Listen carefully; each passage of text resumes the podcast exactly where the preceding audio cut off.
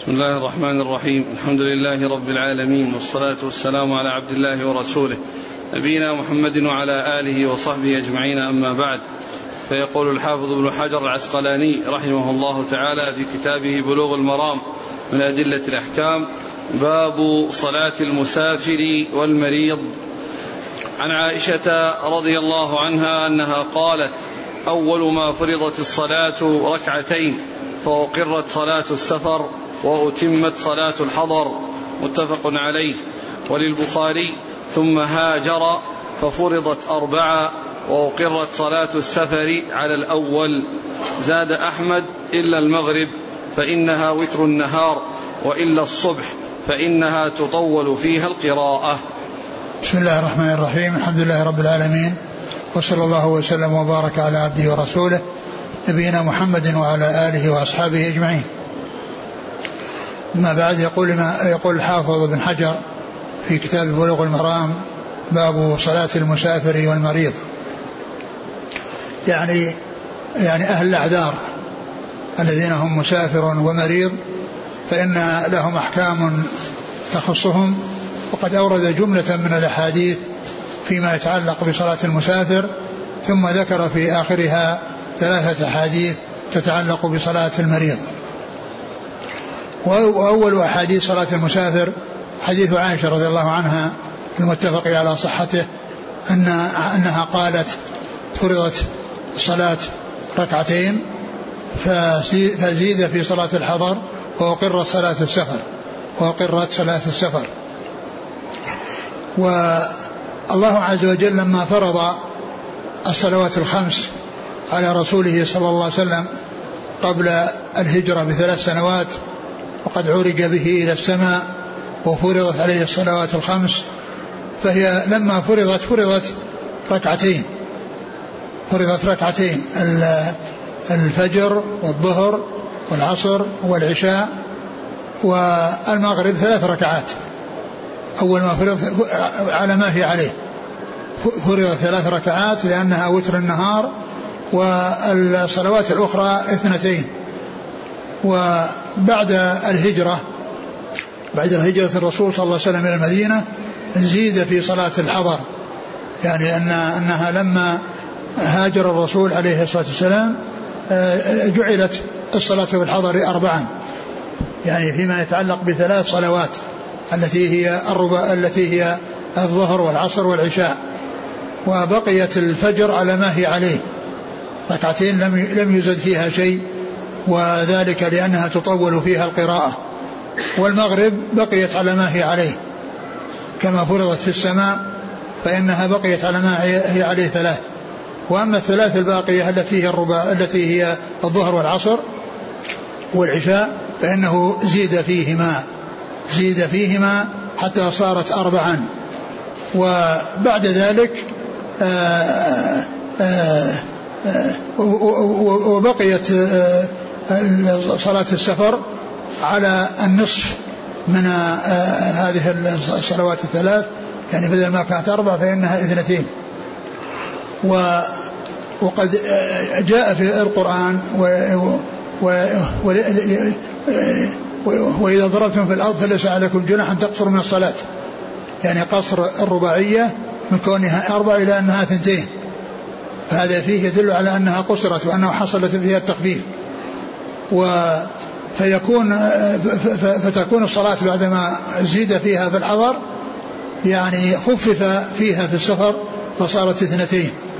فيصير معنى قوله صلى الله عليه وسلم معنى قول عائشة فرضت الصلاة ركعتين فرضت الصلاة أول ما فرضت ركعتين وبقي الأمر على ذلك في مكة وكذلك فترة في المدينة وبعد ذلك آه، زيد في صلاة الحضر وأقر السفر يعني أقرت على يعني بعد أن خففت على ما كانت عليه في أول ما فرضت.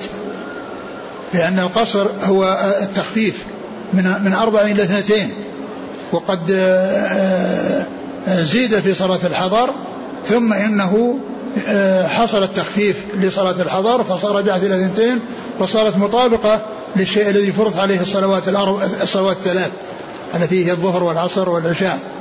فيعني يكون القصر يعني حصل في الحضر في السفر بعدما يعني زيد في الحضر فصارت الظهر والعصر والعصر والعشاء آه، أربعا. وأما في الحضر وأما في السفر فإنه خففت من كونها أربع إلى كونها اثنتين فصار إقرارها يعني بعد أن خففت من أربع موافقا ومطابقا للذي الذي فرضت عليه الصلوات في الحضر والسفر فصارت السفر على النصف من ما كان في الحضر فصار ذلك تخفيفا وقصرا آه، في حق المسافرين. بعده؟ وش بعده؟ قال وفي زيادة؟ وللبخاري ثم هاجر ففرضت أربعا وأقرت صلاة السفر على الأول. زاد أحمد إلا المغرب. ثم يعني في البخاري أنها لما هاجر الرسول صلى الله عليه وسلم فرضت آه فرضت أربعا. ثم هاجر ففرضت أربعا. يعني فرضت أربعا بدل ما كانت اثنتين. فرضت الصلاة التي هي التي هي الظهر والعصر والعشاء فرضت أربعا. فزيد فيها فصارت أربعا. وخفف وخففت في حال السفر فصارت مطابقة لما كانت عليه الصلوات آه، في الأول في الحضر والسفر. لأنها في الحضر والسفر ركعتان. ولكنها بعد زيدت أربع صار هذا يعني يتعلق بالحضر وخفف صلاة السفر فصارت اثنتين مطابقة لما كان عليه الأمر في الأول فيما يتعلق بالحضر والسفر. فهذا بعد الهجرة يعني أن ثلاث سنوات مكة تصلى الظهر ركعتين والعصر ركعتين والعشاء ركعتين والفجر ركعتين و وبعد ذلك آه، صارت هذه الصلوات الثلاث آه، أربعا وبقيت الفجر على ما هي عليه لأنها تطول فيها القراءة والمغرب بقيت على ما هي عليه كما كانت أول ما فرضت في السماء ثلاثا والفجر بقيت على ما كانت عليه السماء ثلاثا والثلاث هي التي حصل فيها الزيادة. ثم بعد ذلك خففت في حق المسافرين فصارت بعد التخفيف مطابقة لمقدار الصلوات في آه، أول ما فرضت في الحضر والسفر. نعم. وزاد أحمد. إلا المغرب فإنها وتر النهار. وزاد أحمد إلا المغرب فإنها وتر النهار. يعني فإنه لم يحصل فيها لم يحصل فيها يعني يعني زيادة ولا حصل فيها نقص. بل هي باقية عليه على ما هي عليه و فلم يزد فيها على ما كانت عليه لأنها وتر النهار. يعني أن آه، والمغرب ليست في النهار هي في الليل ولكنه قريب من النهار. لأنه قريب من النهار فلهذا قيل لها وتر النهار. نعم. وإلا الصبح فإنها تطول فيها القراءة. وإلا الصبح فإنها بقيت على ما هي عليه. لم يزد فيها شيء وذلك أنها تطول فيها القراءة. نعم. وعن عائشة رضي الله عنها أن النبي صلى الله عليه وسلم كان يقصر في السفر ويتم ويصوم ويفطر. رواه الدار قطني. ورواته ثقات. إلا أنه معلول. والمحفوظ عن عائشة من فعلها. وقالت إنه لا يشق علي. أخرجه البيهقي. ثم ذكر هذا الحديث عن عائشة رضي الله عنها أن النبي صلى الله عليه وسلم كان يعني آه، يصوم كان يقصر في السفر يقصر ويتم. كان يقصر ويتم. ويصوم ويصوم ويفطر. ويصوم ويفطر. وهذا المعروف عن النبي صلى الله عليه وسلم أنه أن أن أن أنه عليه الصلاة والسلام آه، ما كان ما كان يتم في السفر. ما كان يتم في السفر وإنما وإنما وإنما كان يقصر في السفر. وهذا هو المعروف عنه صلى الله عليه وسلم. فلم يعرف عنه أنه أتم ولم يحفظ عنه أنه أتم صلوات الله وسلامه وبركاته عليه ولكنه جاء عن عائشة أنها كانت تتم وهذا باجتهاد منها وقالت إنه لا يشق علي إنه لا يشق علي. وهذا دليل على أن صلاة المسافر آه يعني إذا أتم آه، فصلاته صحيحة ولكن الأولى خلاف ذلك وهو القصر. فالقصر في السفر هو الأصل وإن آه، وهو وهو الذي آه، ينبغي أن يكون وإن حصل أنها أتمت أو أن الإنسان أتم في السفر فإن ذلك جائز ولكنه خلاف الأولى. والحديث جاء عنها ما يوضح أن أن هذا باجتهاد منها. وأن وعلل ذلك بأنه لا يشق عليها. علل ذلك بأنه لا يشق عليها. وأما الرسول صلى الله عليه وسلم فلم يأتي عنه أنه أنه آه، أتم في السفر بل كل ما جاء عنه أنه كان يقصر في أسفاره صلوات الله وسلامه وبركاته عليه. نعم. وعن ابن عمر رضي الله عنهما أنه قال قال رسول الله صلى الله عليه وآله وسلم إن الله يحب أن تؤتى رخصه كما يكره أن تؤتى معصيته. رواه أحمد وصححه ابن خزيمة وابن حبان. وفي رواية كما يحب أن تؤتى عزائمه. ثم ذكر هذا الحديث عن عمر الذي يتعلق بالقصر والرخص وأن الإنسان يأتي بالرخص التي شرعها الله عز وجل وأنه يحب أن تؤتى رخصه.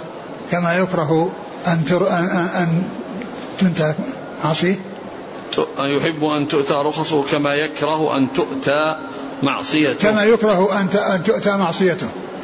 كما أنه يكره أن يعصى فإنه يحب أن يؤخذ برخصه. والرخصة هي كون الإنسان يفطر في السفر وكونه يقصر في السفر. هذه من الرخص التي رخص الله بها لعباده في حال سفرهم وكذلك فيما يتعلق في المريض فيما يتعلق بالجمع. وأما بالنسبة للقصر فإن القصر لا يكون للمريض وإنما هو للمسافر. وعن أنس رضي الله عنه قال كان رسول الله صلى الله عليه وسلم وهو يدل على أن الرخص وأن هذا القصر ليس عزيمة. وأنه واجب وأنه متحتم فإنه ليس يعني آه، عزيمة بمعنى أنه لا بد الإنسان يقصر وأنه لو أتم فلم تصح صلاته بل إن صلاته صحيحة والإتيان بالقصر هو الأولى. نعم. وعن أنس رضي الله عنه أنه قال كان رسول الله صلى الله عليه وسلم إذا خرج مسيرة ثلاثة أميال أو فراسخ صلى ركعتين رواه مسلم. ثم ذكر هذا الحديث عن ابن عمر. أنس. عن أنس رضي الله عنه أن النبي صلى الله عليه وسلم إذا خرج ثلاث فراسخ أو ثلاثة أميال فإنه يقصر. فإنه يقصر. فالأميال يعني هي جزء من من الفرصة الفرصة ثلاثة أميال. الفرصة ثلاثة أميال. فكان هذا الحديث يقول أنه إذا مشى يعني آه ثلاثة فراسخ أو أميال شك من الراوي هل هي فراسخ أو أميال. الفراسخ الأميال قصيرة جدا. يعني تعادل كلها ستة خمسة كيلو أو ستة كيلو. لأن لأن الميل أقل من يعني يعني أقل من الكيلوين. فإذا كان يعني ثلاثة يعني معناه أنه بحدود ستة أو أقل من ستة. أقل من ستة. وهذه مسافة قصيرة جدا لأن الآن من من من من المدينة إلى أبيار علي تسعة تسعة كيلوات. وثلاثة الأميال هي أقل من هذه المسافة التي بين المدينة وبين آه، الميقات الذي هو الذي هو ذي الحليفة. ومن المعلوم أن أن أن الإنسان فيما يتعلق في البدء بالسفر إذا خرج من بيوته من من من عامر البلد وخرج من بيوت يبدأ بالترخص.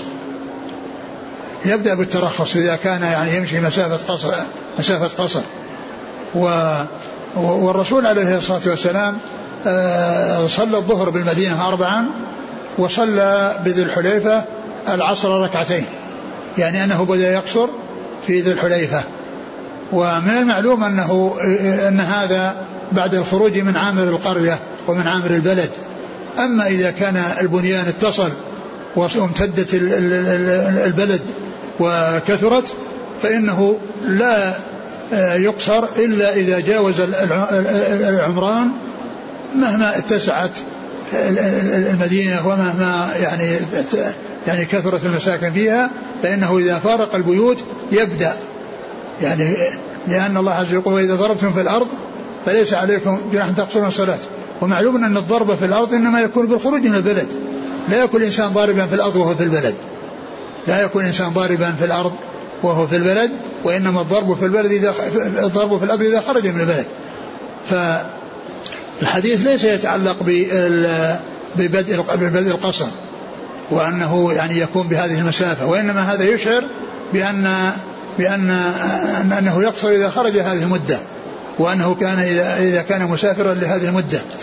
وهذا الشك الذي حصل في الحديث بين بين الفرسخ والميل مع أن الميل يعني شيء يعني شيء قليل استدل به بعض أهل العلم على أن ما يعتبر سفرا أنه يجوز فيه القصر. وقد اختلف العلماء في المدة أو في المسافة التي يحصل فيها القصر فمنهم من قال كل ما كان سفرا فإنه يقصر فيه ما كان سفرا في العرف ومنهم من قال إن أن أنه آه، إذا كانت المسافة يعني آه، بعيدة يعني شيء ما بأن تكون آه، ليست قصيرة جدا. قد جاء في بعض الآثار عن الصحابة أنهم إذا خرجوا لعرفات أن من أهل مكة إذا خرجوا لعرفات لا يقصرون وإذا خرجوا إلى عسفان يقصرون. إذا خرجوا إلى عسفان يقصرون. وعسفان في حدود 80 كيلو تقريبا. فالاحتياط آه، كما قاله آه، كثير من أهل العلم أنه يكون في حدود هذه المدة. أو حدود هذه المسافة التي هي حدود 80 كيلو وما كان قصيرا أو قريبا من ذلك مثل آه، بعض الأماكن القريبة مثل وادي فاطمة ومثل يعني الأماكن يعني قريبة فإن هذه لا يقال لها مسافة قصر. ثم أيضا تحديد المسافة بالنسبة للعرف يعني قد يختلف ولا ينضبط ولكنه إذا آه، صير إلى شيء يعني معين فيه الاحتياط والاطمئنان إلى أن الإنسان يكون مسافرا لا شك أن هذا هو الأولى. فإذا كان مثل هذه المسافة التي 80 كيلو أو تقريبا فإن هذا هو الذي آه، جاء عن ابن عباس وأنه إذا سافر إلى عسفان فإنه يقصر وإذا ذهب إلى نخلة أو إلى عرفة فإنه لا يقصر. وعنه رضي الله عنه أنه قال خرجنا مع رسول الله صلى الله عليه وآله وسلم من المدينة إلى مكة فكان يصلي ركعتين ركعتين حتى رجعنا إلى المدينة. متفق عليه واللفظ للبخاري. ثم ذكر هذا الحديث عن أنس أنهم خرجوا مع النبي صلى الله عليه وسلم يعني في حجة الوداع فكان يقصر حتى رجعوا إلى المدينة. يعني من خرجوا من المدينة إلى أن رجعوا إليها وهو يقصر. عليه الصلاة والسلام. والمدة التي بقيها في مكة من حين وصوله إلى حين مغادرته هي عشرة أيام. عشرة أيام. أربع في, في, في, في الأبطح قبل الحج لأنه وصل صبيحة الثامنة وخرج يعني آه، آه، في آه، قبل الظهر إلى إلى منى وبات بها ويعني بعرفة يعني في اليوم التاسع ثم في يوم العيد وأيام التشريق الثلاثة يعني في في في, في منى ثم يعني خرج منها وبات في في الأبطح فصارت المدة التي يعني بقيها في مكة يعني في نفس مكة وفي ما يتعلق في في في مشاعر الحج سواء كان في الحل أو في الحرم يعني هي هذه المدة أربعة قبل الحج. يعني التي هي في في الأبطح ويعني يوم عرفة و وأيام التشريق ويوم العيد وأيام التشريق. فهذه عشرة أيام ولكنها كانت متفرقة. ولهذا قالوا إن المدة التي يقصر فيها الإنسان إذا دخل بلدا إذا كان عازما على أربعة أيام فأكثر فإنه يقصر وأما إذا كان عازما على أقل من أربعة أيام فإنه إذا كان أقل من فإنه يقصر. وإذا عزم على أكثر من أربعة أيام فإنه لا يقصر. وهذه المدة التي تحقق أن الرسول صلى الله عليه وسلم مقيم فيها وبعد ذلك ينتقل هي أربعة أيام التي قبل الحج. لأنه دخل آه، وأمامه آه، الحج وجلس هذه المدة التي أربعة أيام ثم خرج من مكة للحج. فصارت هذه التنقلات يعني مواضع متعددة ولم يجلس في موضع واحد عليه الصلاة والسلام. ولهذا صار عليه الصلاة والسلام يقصر من خرج من المدينة إلى رجع إلى مكة. لأنه كان في هذه العشرة أيام في مكة يقصر في في مكة وفي منى وفي عرفة وفي مزدلفة و فصارت هذه المدة هي عشرة أيام. وبعد ذلك الطريق من من مكة إلى المدينة والمدينة إلى مكة. كل هذا كان يقصر من من حين خرج من المدينة إلى أن رجع إليها صلوات الله وسلامه وبركاته عليه. نعم. وعن ابن عباس رضي الله عنهما أنه قال أقام النبي صلى الله عليه وآله وسلم تسعة عشر يقصر وفي لفظ بمكة تسعة عشر يوما. رواه البخاري. وفي رواية لأبي داود سبع عشرة. وفي أخرى خمس عشرة وله عن عمران بن حصين ثمانية عشرة وله عن جابر أقام بتبوك عشرين يوما يقصر الصلاة ورواته ثقات إلا أنه اختلف في وصله. ثم ذكر آه، ما جاء عن رسول الله صلى الله عليه وسلم في عام الفتح والمدة التي مكث فيها في مكة يقصر وكذلك في غزوة تبوك وأنه كان مقيما يعني في تبوك عشرين يعني ليلة وكان يقصر يعني فيها وهو مقيم. فبعض أهل العلم قال إن الإنسان إذا أقام تسعة عشر يوما فإنه يقصر لأن الرسول صلى الله عليه وسلم مكث في مكة تسعة عشر يوما يقصر.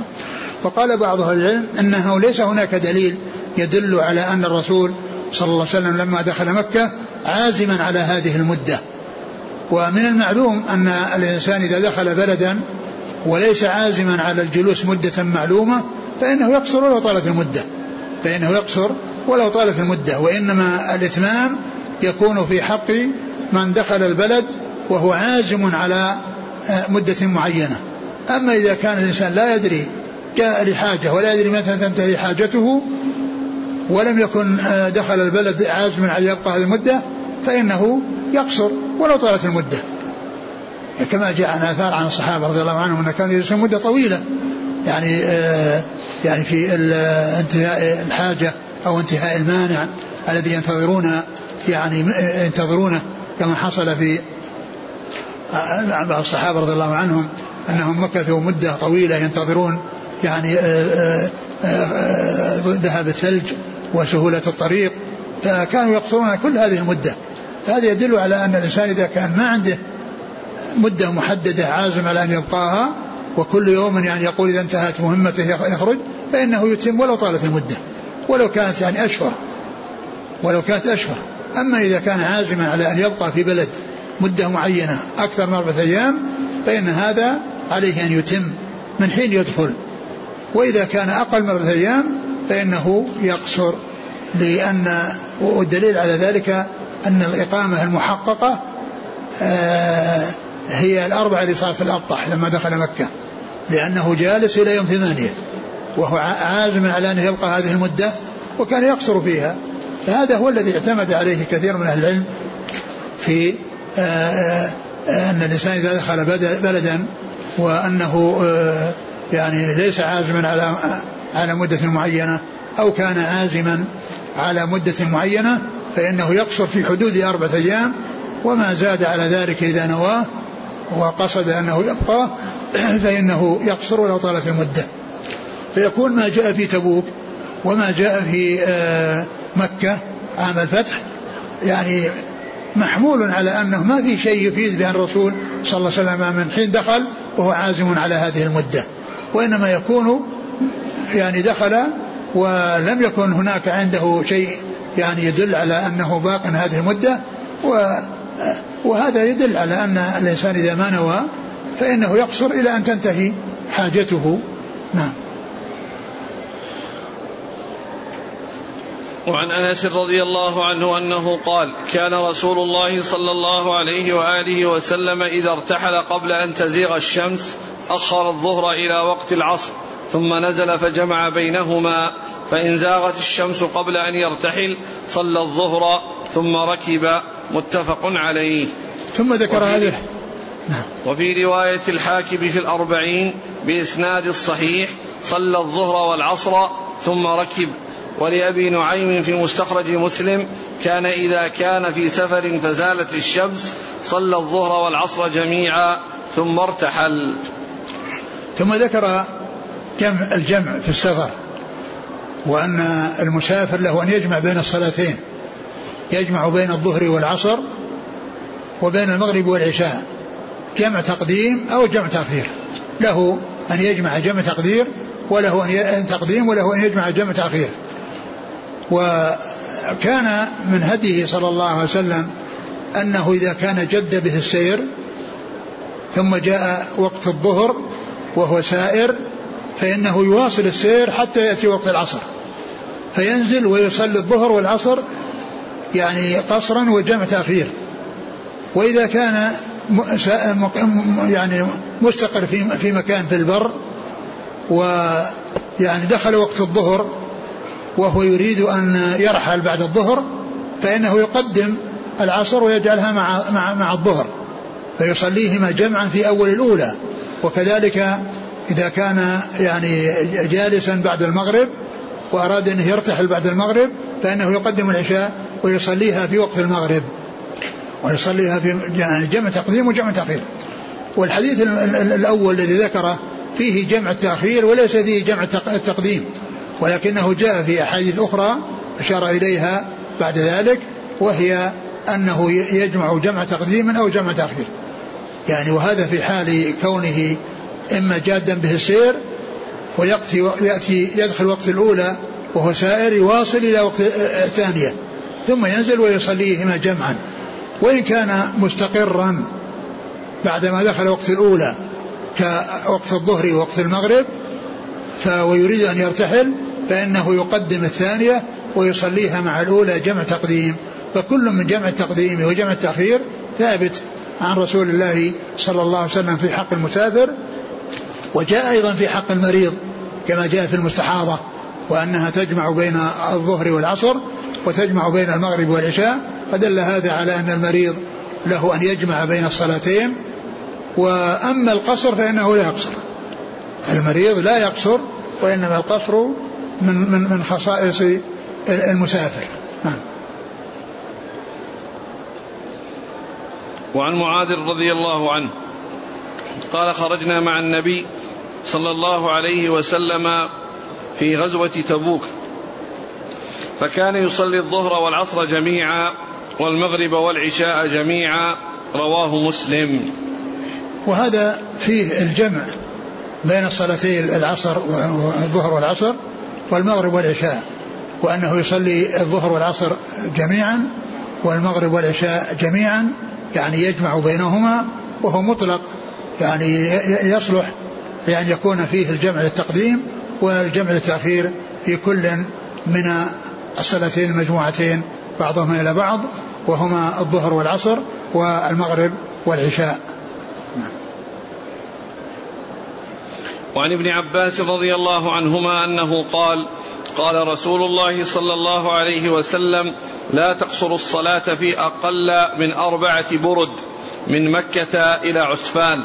رواه الدار قطني بإسناد ضعيف والصحيح أنه موقوف كذا أخرجه ابن خزيمة.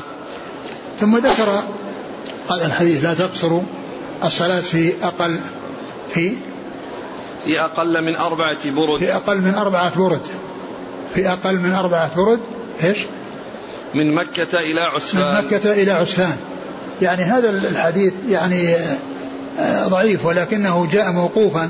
ولكنه موقوفه صحيح ويعني و يعني فهذه المسافة هي التي يقصر فيها وهي التي جاء عن ابن عباس أنه قال أنه لا يقصر إلى الذهاب إلى عرفة وإلى آه، نخلة وإنما يقصر في الذهاب إلى عسفان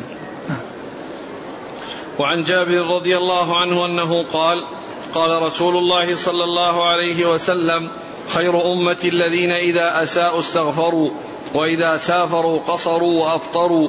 أخرجه الطبراني في الأوسط بإسناد ضعيف وهو في مرسل سعيد بن المسيب عند البيهقي مختصرا. ثم ذكر هذا الحديث خير أمتي. نعم الذين إذا أساءوا استغفروا. الذين إذا أساءوا استغفروا وإذا سافروا قصروا وأفطروا.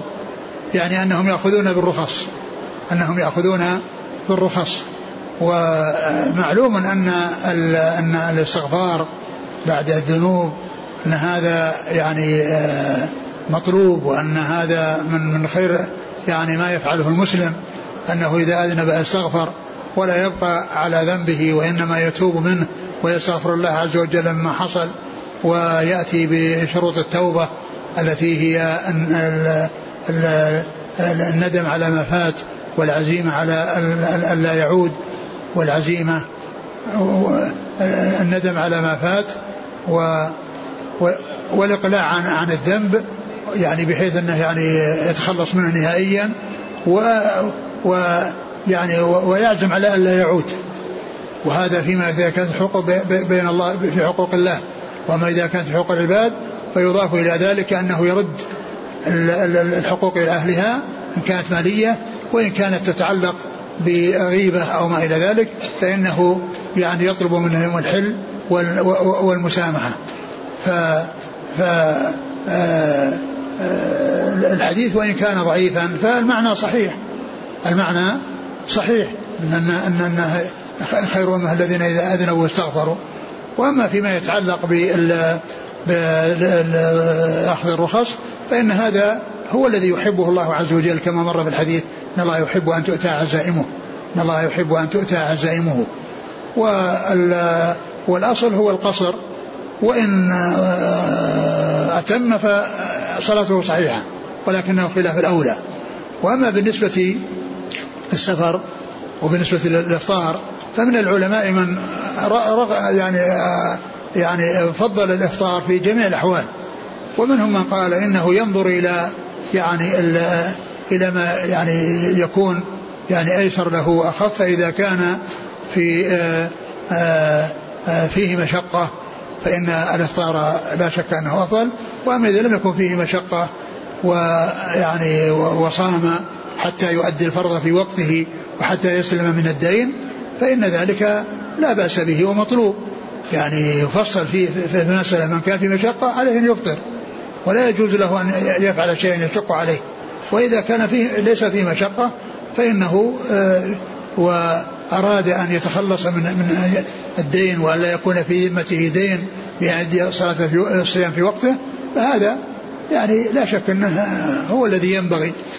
وفي هذا الزمان كما هو معلوم يعني يكون السفر ينتهي في في حدود يعني ساعة أو ساعتين أو ثلاث أو أربع يعني بواسطة يعني هذه الوسائل الحديثة من الطائرات. التي آه، تقضي المسافة التي كانت في في عشر مراحل تقضيها في أقل من ساعة. و ف فيكون آه، كون الإنسان ليس عليه مشقة ويتخلص من الدين في وقته لا شك أن هذا مناسب. نعم. وعن عمران بن حسين رضي الله عنهما أنه قال كانت بي بواسير فسألت النبي صلى الله عليه وسلم عن الصلاة فقال صل قائما فإن لم تستطع فقاعدا فإن لم تستطع فعلى جنب. رواه البخاري. ثم لما فرغ من أحاديث المسافر بدأ بأحاديث المريض.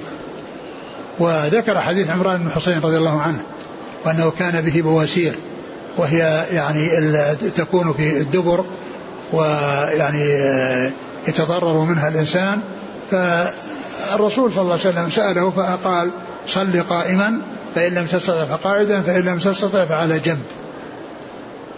صل قائما هذا هو الأصل. لا يجوز الإنسان أن يصلي الفرض مع القدرة عليه إلا وهو قائم. وأما بالنسبة للنفل فيجوز أن يصلي جالس أن يصلي جالسا مع القدرة على القيام. إلا أن الأجر على النصف من أجر الصلاة قائما كما ثبتت في ذلك السنة عن رسول الله صلى الله عليه وسلم.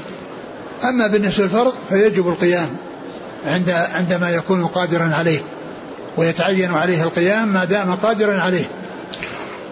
صل قائما فإن لم تستطع فقاعدا. يعني يصليه جالس. فإن لم تستطع فعلى جنب. إذا كان ما يستطيع الجلوس يصلي هو على جنبه. ويكون على جنبه المستقبل القبلة. ولكنه يعني إذا صلى جالسا يومي لركوعه ويعني إذا صلى جالسا يعني وهو يستطيع أن يسجد فإن عليه يسجد. وإذا كان لا يستطيع أن يسجد فإن عليه أن يومي وهو جالس. ولكن إذا كان يعني مضطجعا على جنبه فإنه يومي بالركوع والسجود. يومي بالركوع والسجود وهذا من تيسير الله عز وجل في شرعه لعباده وأنه لم يكلفهم ما يطيقون ما لا يطيقون. فقال الله عز وجل لا يكلف الله نفسا إلا وسعها لها ما كسبت وعليها ما اكتسبت. آه آه ف يعني فهذا يدل على على سماحة هذه الشريعة ولا وعلى التخفيف فيها على العباد وأن الله لم يكلف الناس ما لا يطيقون بل كلفهم شيء يطيقونه. وإذا حصل آه، منهم أعذار لا يتمكنون من ركن فإنهم ينتقلون إلى الركن الذي هو دونه من كونهم قائمين إلى كونهم جالسين ومن كونهم جالسين إلى كونهم مضطجعين. وعن جابر رضي الله عنه أنه قال عاد النبي صلى الله عليه وسلم مريضا فرآه يصلي على وساده فرمى بها وقال صل على الأرض إن استطعت وإلا فأومئ ايماء واجعل سجودك أخفض من ركوعك. رواه البيهقي وصحح أبو حاتم وقفه. ثم ذكر هذا الحديث الذي يتعلق بصلاة المريض وأنه إذا كان جالسا فإنه يعني إذا كان يستطيع السجود على الأرض يسجد على الأرض. وإن كان لا يستطيع الوصول للأرض للسجود فيها فإنه يومئ إيماء يومي للركوع ويومي للسجود ويكون إيماء للسجود أخفض. من إيمائه للركوع كما هو الحال في في, في, الإتيان بهذين الركنين حيث يكون صحيحا معافى فإنه يعني يركع ثم السجود يعني يكون على الأرض فيكون إيماؤه لهذا ولهذا متفاوتا ليميز حال الركوع عن حال السجود لأن حال السجود أخفض من حال الركوع وقد عاد النبي صلى الله عليه وسلم مريضا وهذا يدل على فضل عيادة على عيادة المريض ومشروعيتها وأن الرسول صلى الله عليه وسلم كان يعود أصحابه صلوات الله وسلامه وبركاته عليه ورضي الله عنهم وأرضاهم فرآه يسجد على وسادة. يعني شيء مرتفع قدامه يعني بدأ حتى لا, لا, لا يصل الأرض ولكنه يصل إلى, إلى الوسادة. فالرسول منع منعه من ذلك وقال إن استطعت يعني أن تسجد على الأرض يسجد وإلا فإنه يومي للركوع والسجود ويجعل سجوده أخفض من, من ركوعه. نعم. وعن عائشة رضي الله عنها أنها قالت رأيت النبي صلى الله عليه وآله وسلم يصلي متربعا رواه النسائي وصححه الحاكم. ثم ذكر هذا الحديث أن النبي صلى الله عليه وسلم كان يصلي متربعا. كان يصلي متربعا. والتربع هو أن يجعل باطن كفه باطن قدمه اليمنى تحت فخذه اليسرى وباطن كف قدمه اليسرى تحت الفخذ اليمنى. و يعني فهذا هو التربع. وهذه الهيئة إنما تكون في حال القيام. يعني آه، بدلا من يعني آه، إذا كان في حال قيام. وأما إذا كان في حال جلوس أو في حال يعني إذا كان في حال سجود أو جلوس بين السجدتين فإنه يكون مفترشا. فإنه يكون مفترشا يعني كهيئته إذا كان في التشهد الأول أو يعني آه، إذا كان في التشهد أو بين السجدتين فإنه يجلس مفترشا يعني يفترش اليسرى وينصب اليمنى ويسجد يعني من من جلوس يعني على الذي هو حالة الافتراش. وأما الركوع فإنه يعني يكون في حال قيامه بحيث يكون متربعا. يعني يركع في حال تربعه لأن الركوع يكون عن قيام. الركوع يكون عن قيام. الإنسان يكون قائما ثم يركع.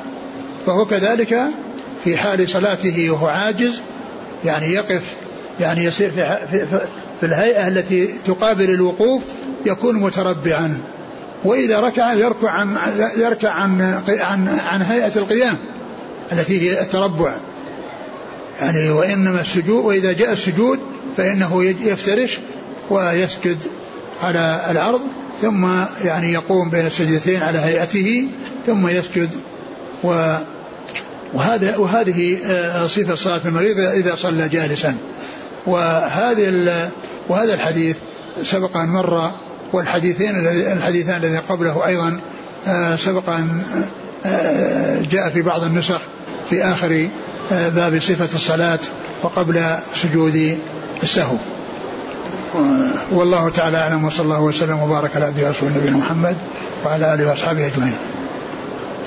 جزاكم الله خيرا وبارك الله فيكم. ألهمكم الله الصواب ووفقكم للحق شفاكم الله وعافاكم ونفعنا الله بما سمعنا غفر الله لنا ولكم وللمسلمين أجمعين. آمين. يقول أحسن الله إليكم هل ثبت عن الرسول عليه الصلاة والسلام أو أحد من الصحابة أو التابعين أو أحد من السلف أنه كان يصلي وهو مسبل ليديه؟ أفيدونا بارك الله فيكم.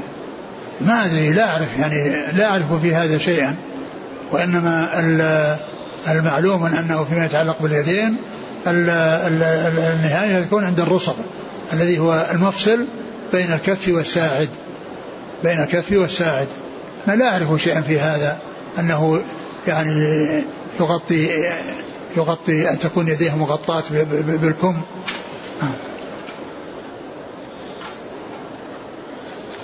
يقول ما هي الرخصة وما هي العزيمة وما الفرق بينهما؟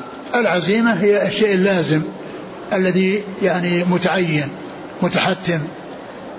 والعزيمة هي آه، الانتقال. والرخصة هي الانتقال من العزيمة إلى الرخصة. يعني شيء يعني يعتبر عزيمة خفف فصار مرخصا فيه. يعني قصر الرباعية يعني إلى إلى إلى ركعتين هذه رخصة. وبقاؤها على ما هي عليه هي هي عزيمة وهذا هو الأصل بالنسبة للصلوات. ولكنه في حال السفر آه، تنقص أو تقصر الصلاة الرباعية إلى أن تكون اثنتين. فالعزيمة هي عدول أو يعني آه، خروج عن آه، عن عن عن العزيمة يعني إلى رخصة لم يلزم الله عز وجل فيها في ما يتعلق ب في حال العزيمة التي هي كونها أربع. وإنما ينتقل إلى اثنتين اللي هي قصر الرباعية. وأما العزيمة فهي الشيء الثابت اللازم الذي لا يجوز غيره إلا ما كان فيه تخفيف بحيث خرج من العزيمة إلى الرخصة. يقول هل هناك فرق في أحكام صلاة السفر للمسافر سواء هو في الطريق أو في البلد التي سافر إليها؟ في الطريق إذا كان جادا به السير فإنه يعني يقصر ويجمع. يقصر ويجمع. وأما إذا كان في بلد وإذا كان في بلد وكان عازما على أقل من أربعة أيام فإنه يقصر ويجمع إذا كان وحده. أما إذا كان مع الناس أو سمع سمع النداء فإنه يذهب ويصلي مع الجماعة. لأن صلاة الجماعة واجبة حضرا وسفرا حتى في الخوف. حتى في الخوف لم تسقط الجماعة عن الناس. فإن الله عز وجل فإنه جاء عدة صلوات عدة هيئات وصفات لصلاة الخوف. ولو كان آه، الجماعة ليست واجبة فإنها ما ما حصل شيء من هذا. يعني كل آه، كل جماعة يعني كل يصلي على على حالته. وأما كون الرسول صلى الله عليه وسلم يعني قسم الناس إلى مجموعتين فهذا يدل على أن صلاة الجماعة واجبة في الحضر والسفر. ولكنه إذا صلى وحده يصلي ركعتين حيث يجوز له القصر. وإن صلى مع الجماعة يصلي جماعة. وكذلك له أن له أن يجمع. لأن الرسول صلى الله عليه وسلم جمع يعني في تبوك وهو مقيم عليه الصلاة والسلام. فدل على أن المقيم له أن يجمع. هل تصح النافلة بالإيماء على جنب مع القدرة على القيام؟ هل هل هل تصح النافلة بالإيماء بأن يكون على جنبه مع القدرة على القيام؟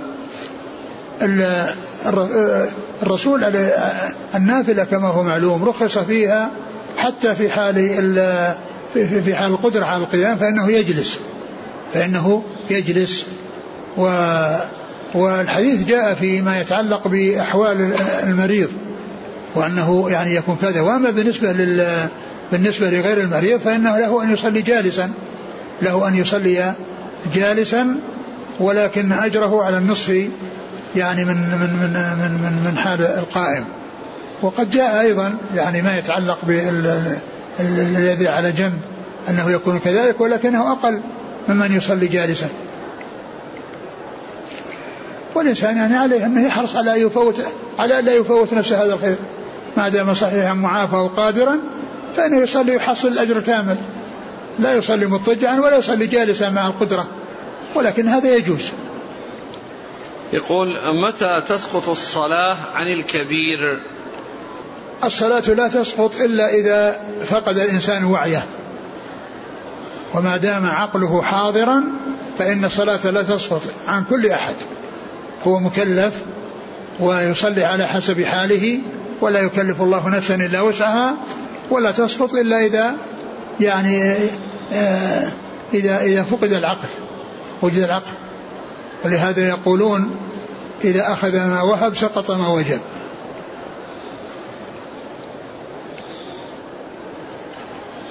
ما حد العجز الذي يجوز فيه الصلاة جالسا؟ هل العجز التام؟ العجز التام أو العجز الذي يكون فيه مشقة لو قام. يعني إذا كان يلحق بمشقة فإنه يصلي جالسا. يقول شخص مصاب بشلل نصفي هل يجوز له التيمم إذا لم يجد أحد يساعده للذهاب إلى دورات المياه ليتوضأ؟ نعم. نعم يتيمم. إذا, ما أحد وجد يساعده لا يكلف الله نفسا إلا وسعها. يقول إذا رجعت من السفر وقبل أن أصل إلى بيتي بنحو عشرين كيلو متر وقفت وصليت قصرا هل فعلي صحيح؟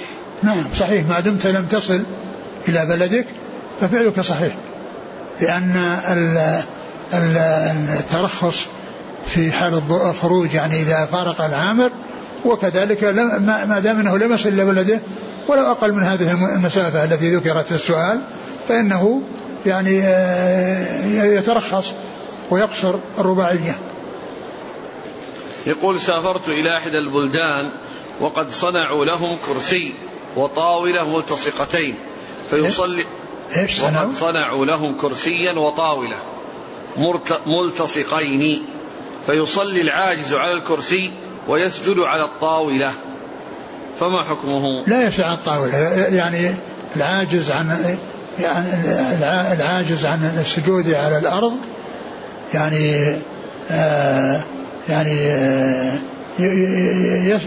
سجوده وركوعه بالإيمان سجوده وركوعه بالإيمان يقول الذي يصلي في حال السفر العشاء خلف من يصلي المغرب ماذا يفعل؟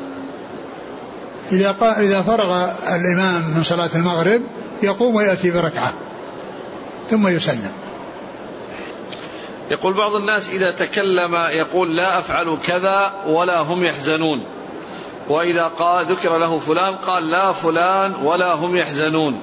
فما حكم هذه الزيادة ولا هم يحزنون؟ ما أعرف لها وجه ولا أعرف لها معنى. يعني كلام ما أعرف وجهه يعني في هذا شيء يعني قد يعتاده الناس. ولو سألته يعني إيش معناه؟ يمكن ما يعطيك جواب.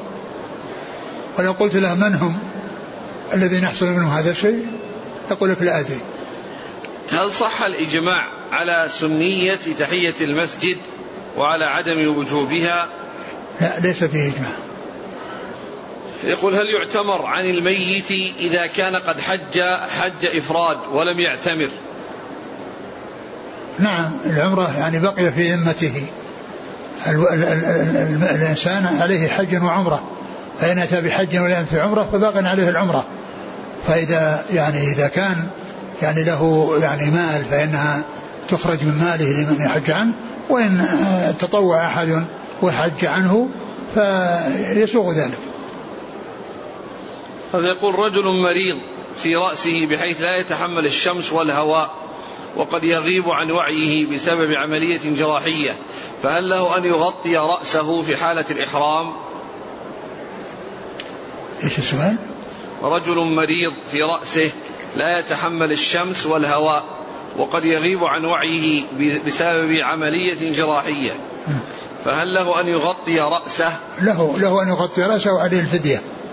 وهي التخيير بين ثلاثة أشياء. ذبح شاة أو إطعام ستة مساكين لكل مسكين نصف صاع أو صيام ثلاثة أيام. يقول هل يجوز أخذ الأجرة على تعليم القرآن اختلف العلماء في ذلك. منهم من قال إنه تؤخذ الأجرة ومنهم من قال يؤخذ الجعل. أنه يؤخذ الجعل على على على تعليم القرآن. يعني شيء مخصص يعني لمن يعمل هذا العمل فإنه إذا عمله يعطى إياه. وأما كون الإنسان يعتبر الذي يعلم القرآن يعتبر نفسه زميلا للحداد والنجار وأن كلهم أصحاب مهن وأنه لا فرق بينه وبينهم بل هناك فرق. هؤلاء يعني هذا مهنته يعني عظيمة وفيها ثواب وفيها احتساب. فكون الإنسان يأخذ الشيء الذي يخصص له ويقدر آه، يأخذه. وأما كونه يعني يشارط على هذا فهذا يعني لا يسلم. يعني من من من من, من لا يسلم من من من, تبعات التبعات فيه. ولهذا قيل الإمام أحمد قد سئل الإمام أحمد عن رجل قال أصلي بكم رمضان بكذا وكذا درهما فقال أسأل الله العافية ومن يصلي خلف هذا. أسأل الله العافية ومن يصلي خلف هذا. فيعني دل هذا على أن القرب يعني الإنسان يحتسب فيها وإن حصل شيئا من غير مشارطة ومن غير يعني معاقدة فإنه من الثواب المعجل الذي يحصل للإنسان في الحياة الدنيا. وما جاء في قصة اللذيغ والقراءة عليه وإعطائه يعني مبلغ في مقابل ذلك وقد قال فيه النبي صلى الله عليه وسلم إن أحق ما ختم عليه أجرا كتاب الله. هذا في ليس في ليس هذا في إقراء القرآن وتعليمه للاهتداء به وإنما هذا علاج وإنما هذا في العلاج والعلاج غير يعني كونه يعني يستفاد من القرآن في علاج غير كان يستفاد فيه في هداية واستقامة وسير إلى الله عز وجل على هدى وبصيرة. فالحاصل أن القرب الإنسان يفعلها محتسبا وإذا جعل شيء لمن يفعلها فإنه يأخذه وهو من الثواب المعجل. نعم. يقول أحسن الله إليكم متى يبدأ وقت الغسل ليوم الجمعة؟ من طلوع الفجر. من طلوع الفجر. طلوع الفجر هو الذي يبدأ به النهار. وأبو داود رحمه الله في كتابه وكان يعني تفقهه ليس بكثير قليل كونه يذكر مسائل فقهية يعني بعد ال بعد الأحاديث التي يريدها يعني نادرا أنه يأتي بمسائل فقهية. وقد قال في يعني في في سننه بعد حديث أن الإنسان لو لو قام من النوم وعليه جنابة ثم إنه اغتسل ونوى الجنابة ونوى غسل الجمعة فإن ذلك يكفي. نعم. يقول ما حكم استخدام ما يسمى باللولب للنساء وذلك لتنظيم النسل؟ إذا كان هناك حاجة إلى ذلك لا بأس به يعني بحيث أن المرأة يعني نسلها متوالي بحيث تحمل كل سنة وإذا ولد الثاني وإذا الذي هذا لا, لا, لا يستطيع أن يمشي فهي يعني يشق عليها فعملت على شيء يؤخر. أما شيء يقطع فإن ذلك لا يجوز. شاب قتل رجلا بحادث سيارة منذ عامين. ولم يصم الكفارة تهاونا وقبل شهر مات ذلك الشاب. ماذا يلزم وليه؟ الصوم أو الإطعام؟ القتل ليس فيه إطعام. ليس ليس في كفارة القتل الإطعام وإنما هو الكفارة في شيئين فقط. وهما العتق الرقبة إذا وجد وإن لم يستطع ينتقل إلى الصيام. ويعني وليس هناك انتقال من الصيام إلى إطعام. الانتقال من الصيام إلى الإطعام في أمور أخرى غير هذا. وأما كفارة القتل فقد جاء في القرآن أنها في أمرين اثنين. فقط فإن استطاع الصيام استطاع العتق أعتق. وإن لم يستطع استطاع الصيام فإنه فإنه يصوم. وإن لم يحصل فإن ذلك في ذمته هذا أو هذا. يعني سواء يعني آه الذي هو العتق أو أو الصيام. لكن لو أن لو أن يعني لو صام عنه يعني لو صام عنه أهله وأقاربه فإن ذلك سائغ. لكن لابد فيه من التوالي. لابد فيه من التوالي. ما يمكن يقسمونها على مجموعة ثم يصومون. هذا يصوم عشرة وإذا يصوم عشرة وإذا يصوم عشرة. وإنما يكون يعني صوم يعني وراء صوم. أيام متوالية سواء حصلت من واحد أو من أكثر من واحد.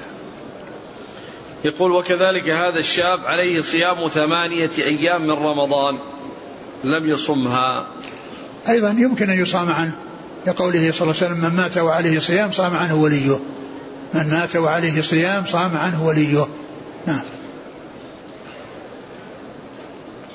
يقول ما حكم التأمين الصحي في الشركات؟ علما بأنني أشتغل في إحدى الشركات النفطية والشركة توفر لموظفيها هذه الخدمة حيث إن الشركة لا تقطع أو لا تقتطع من راتب الموظف وليس لهذه الخدمة قيمة مالية معينة. إذا كان الأمر كذلك أنه لا يؤخذ منه شيء وإنما هذا شيء أضافوه إلى الراتب فإن ذلك سائغ لا بأس به مع المحسنين من سبيل.